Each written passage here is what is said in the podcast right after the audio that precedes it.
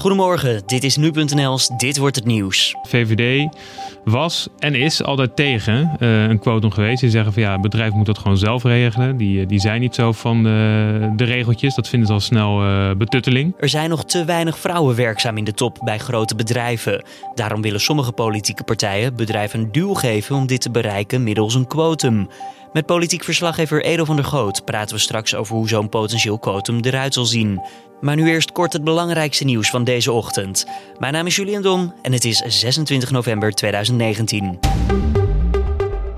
Staatssecretaris Menno Snel van Financiën weet al geruime tijd dat er meer gedupeerden zijn in de toeslagenaffaire.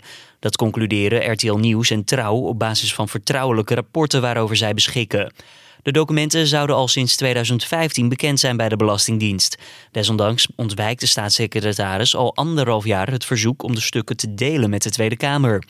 De affaire draait om het onrechtmatig stopzetten van toeslag voor kinderopvang. Honderden ouders werden onjuist aangemerkt als fraudeur en moesten tot tienduizenden euro's terugbetalen. Het Amerikaanse Huis van Afgevaardigden krijgt voorlopig geen inzage in de belastingaangiftes van president Donald Trump. Nadat de president een hoger beroep over inzage in zijn belastingen verloor, vroeg hij het Hoge Rechtshof om dit alsnog tegen te houden. Op 5 december bepaalt het Hoge Rechtshof of het ook daadwerkelijk Trumps bezwaar wil aanhoren.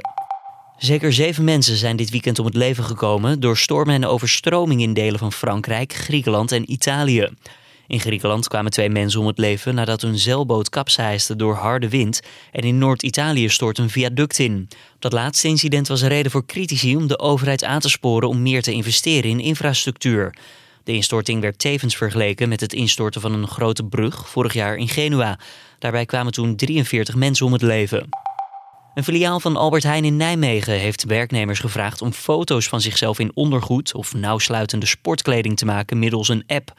Dat zou nodig zijn om maten op te nemen voor nieuwe bedrijfskleding. Op basis van de foto rekende de app de maat van de werknemer uit, al dus de supermarkt. De app gebruiken zou verplicht zijn, schrijft NRC. Dat omdat werknemers anders geen nieuwe bedrijfskleding konden krijgen. Een woordvoerder van Albert Heijn spreekt van een misverstand en zegt dat het de bedoeling was dat de app, die onderdeel was van een pilot, vrijwillig gebruikt kon worden. Door de ontstane verwarring en ophef is de pilot per direct gestaakt.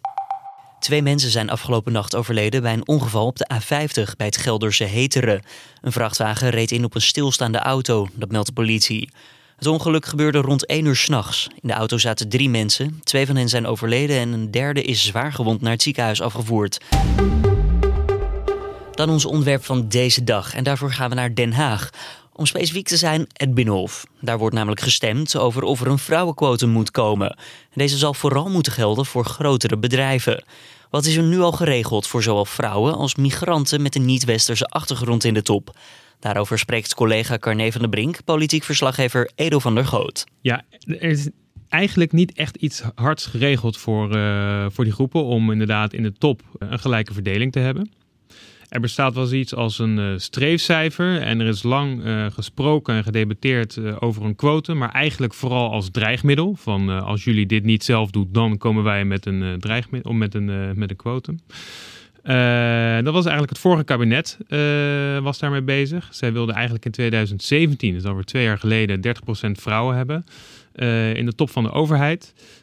Jet Bussemaker was de Zeise minister die daarvoor verantwoordelijk was van de PvdA vond eigenlijk wel dat een uh, quotum een uh, zwaktebod was. En zei steeds van ja, eh, je moet het hebben over streefcijfers, zelfregulering en overleg met bedrijven zelf. Als je nog verder teruggaat, want er wordt al veel langer gesproken over uh, vrouwenquotum. De Europese Commissie kwam in 2010 met zo'n voorstel om ook 30% vrouwen minimaal in het bedrijfsleven, de top van het bedrijfsleven te hebben. Uh, maar opvallend genoeg, Nederland blokkeerde dat plan. Is dit dan zo'n heet hangijzer wat altijd een beetje over verschillende kabinetten heen hangt? Of uh, is het, maken we het dan te groot, zo'n vrouwenquotum? Dan maak je het wel iets te groot, maar het is inderdaad wel zo, omdat de VVD natuurlijk in de afgelopen uh, kabinet zat, uh, is het wel steeds iets geweest waar partijen niet over eens werden. Want VVD was en is altijd tegen uh, een quotum geweest. Die zeggen van ja, het bedrijf moet dat gewoon zelf regelen. Die, die zijn niet zo van de, de regeltjes. Dat vinden ze al snel betutteling. Dus dat is iets waar het bedrijfsleven zelf, zelf uit moet komen. Maar goed, omdat, het, uh, omdat de VVD uh, altijd uh, tegen was, zijn ze dat natuurlijk nu ook. CDA was dat voor kort ook, maar die zijn vorige week eigenlijk van standpunt veranderd. Ze zijn gedraaid en hebben een motie van D66 dus mede ondertekend. En daarom is die motie, ja, wordt er naar uitgekeken om te kijken wat die, of die een meerderheid haalt. Ja, het CDA nog even over die partij zelf. Ze vinden een eerlijke verdeling. Ja, het is vrij, vrij logische onderbouwing, maar toch. Kamerlid zegt van ja, een eerlijke verdeling van topposities eh, draagt bij aan betere kansen voor mannen en vrouwen in de samenleving. Lijkt me nog wel evident. Maar goed, PvdA, GroenLinks en DENK, uh, die zijn waarschijnlijk ook voor. Uh, dan heb je nog geen meerderheid met D66 en CDA erbij. Maar als SP ook instemt, en dat is dus nog even bezien, dan is er een uh, dikke meerderheid in de Tweede Kamer. Uh, en dan wordt die motie aangenomen om uh, de adviezen van de SER over te nemen. Ja, ik wil het straks met je hebben over wat de SER, de Sociaal-Economische Raad, dan had geadviseerd. Maar en nog even over die, die, over die motie. Wat staat daar precies in? Voor wie geldt dit? Alleen voor vrouwen, maar of ook voor mensen met een niet-westerse achtergrond? Ja, de SER heeft het zo geformuleerd dat, kijk, de verhouding man-vrouw, daar wil het echt een quotum voor instellen, als dat niet wordt gehaald voor de diversiteit. Dus eh, echt eigenlijk als het breder wordt getrokken, zeggen ze van ja, dan moet het een streefcijfer blijven. Of dan moet het een ambitieus uh, streefcijfer zijn. En moeten bedrijven en ook de overheid trouwens daar helder over communiceren hoe ze dat, welk streven ze hebben. En hoe ze dat willen, willen gaan halen. Ja, want de bal is gaan rollen nadat de Sociaal-Economische Raad, je zei al, de SER, werd gevraagd door de regering om te kijken naar dit probleem. Zij kwamen met een advies. en wat stond daar precies allemaal in? Ja, het, wordt en het gaat dan vaak over een uh, quotum. Hè? Maar eigenlijk uh, is het quotum niet zo heel erg. Uh, is er eigenlijk geen quotum. De SER zegt zelf ook van ja, een quotum is eigenlijk te smal. Ze zeggen er is niet één oplossing. er is geen sprake van one size fits all. Dus wat zeggen zij nou? Voor de 100 ongeveer 100 beursgenoteerde bedrijven in Nederland zeggen ze van de Raad van Commissarissen, dat zijn eigenlijk de toezichthouders, hè, moet er een vrouwenquotum komen van 30 procent. Uh, als je dat niet haalt, moet de eerstvolgende vrijgekomen plek uh, moet een vrouw worden gekozen. En als dat niet gebeurt, dan wordt die plek ongeldig verklaard. Dus zijn ze eigenlijk ja, een zetel kwijt, uh, die commissarissen. Maar voor de raden van besturen geldt dat niet. Dan heb je het weer over die ambitieuze streefcijfers. en daar moeten ze dan dus die concrete plannen voor maken en, en over communiceren. Dan is er nog na die ongeveer 100 bedrijven een subtop van grote bedrijven. Daar zitten ongeveer 5000 bedrijven in. En daarvan zeggen ze ook voor de raden van besturen en de raad van commissarissen moet er ook weer een ambitieus streefcijfer komen om uh, genoeg vrouwen en genoeg migranten van uh, niet-westerse achtergrond uh, aan de top te krijgen. Dus eigenlijk is er alleen maar voor een heel klein deel ja. is er sprake van een quotum. Ja, quotum met heel veel haken en ogen inderdaad. Want als we kijken naar het vrouwengehalte in de top, hoe doet Nederland het internationaal gezien? Ja, als je wat, uh, wat, wat, eerder gaat kijken, zeg maar, dan doet enerzijds Nederland doet het goed. Als je ziet, uh, als het gaat om uh, gendergelijkheid, dus mannen, vrouwen, of beter gezegd, meisjes doen het goed in het onderwijs. Uh, en vrouwen hebben gelijke rechten. Dat is uh, hoe de SER het uh, constateert. Maar op de arbeidsmarkt gaat het minder, minder goed wat dat betreft. daar bungelt Nederland wel onderaan als het gaat om vrouwen in managementfuncties. En eind 2018 was er nog geen 10% van de grote bedrijven. Dan heb ik het over de cluster van die 5000 bedrijven, dus over de subtop. nog geen 10% haalde, de wettelijke, haalde het wettelijke streefcijfer. Van die 30% mannen, vrouwen in een raad van commissarissen en een raad van besturen. Uh, en ook eigenlijk bij de culturele diversiteit gaat het ook niet goed. Uh, werkloosheid uh, onder mensen met een niet-westerse migratieachtergrond is drie keer zo hoog als onder mensen, met een, als onder mensen zonder migratieachtergrond. en de afgelopen 15 jaar is de arbeidsmarktpositie van mensen van een niet-westerse migratieachtergrond zijn eigenlijk nauwelijks verbeterd. Ondanks dat hun opleidingsniveau wel is gestegen. De SER heeft natuurlijk geadviseerd dat we met een quote moeten komen. Wat zijn volgens hun de voordelen? Ja, dat zijn een beetje zachte waarden, hè, zo gezegd. Uh, daarmee zeg ik niet dat dat uh, belangrijk of minder belangrijk is. Alleen dat is natuurlijk ook lastig uh, te zeggen wat nou precies zo'n voordeel is. De SER zelf heeft het over maatschappelijke winst. Uh, nou ja, goed, daar kan je ook uh, over twisten wat dat precies betekent. Meer uh, kansengelijkheid in de samenleving. On ontwikkeling van onbenut talent. dat, dat lijkt me evident. meer integratie en verbinding.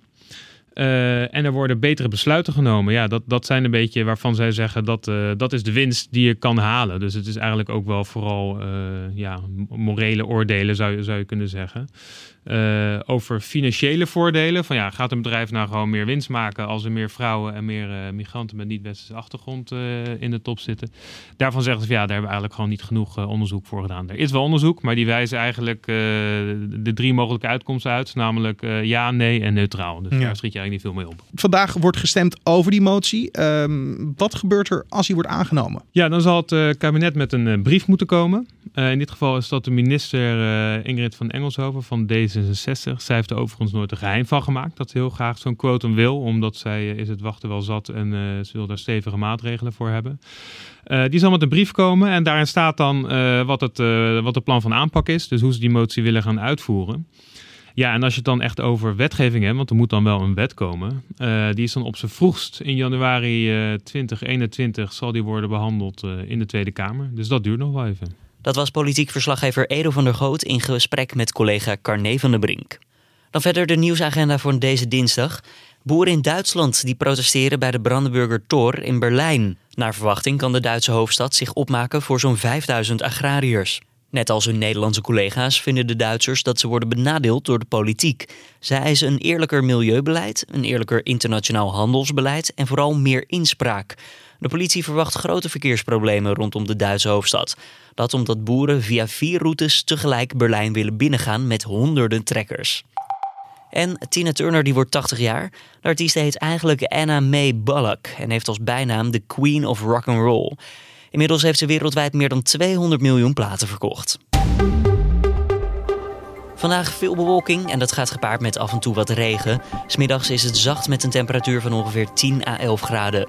Eerst verder een matige zuidelijke wind. Het is bijna Black Friday en dat betekent een potentiële wervelstorm aan aanbiedingen. Maar volgens de Consumentenbond is niet elke aanbieding ook daadwerkelijk een echte aanbieding.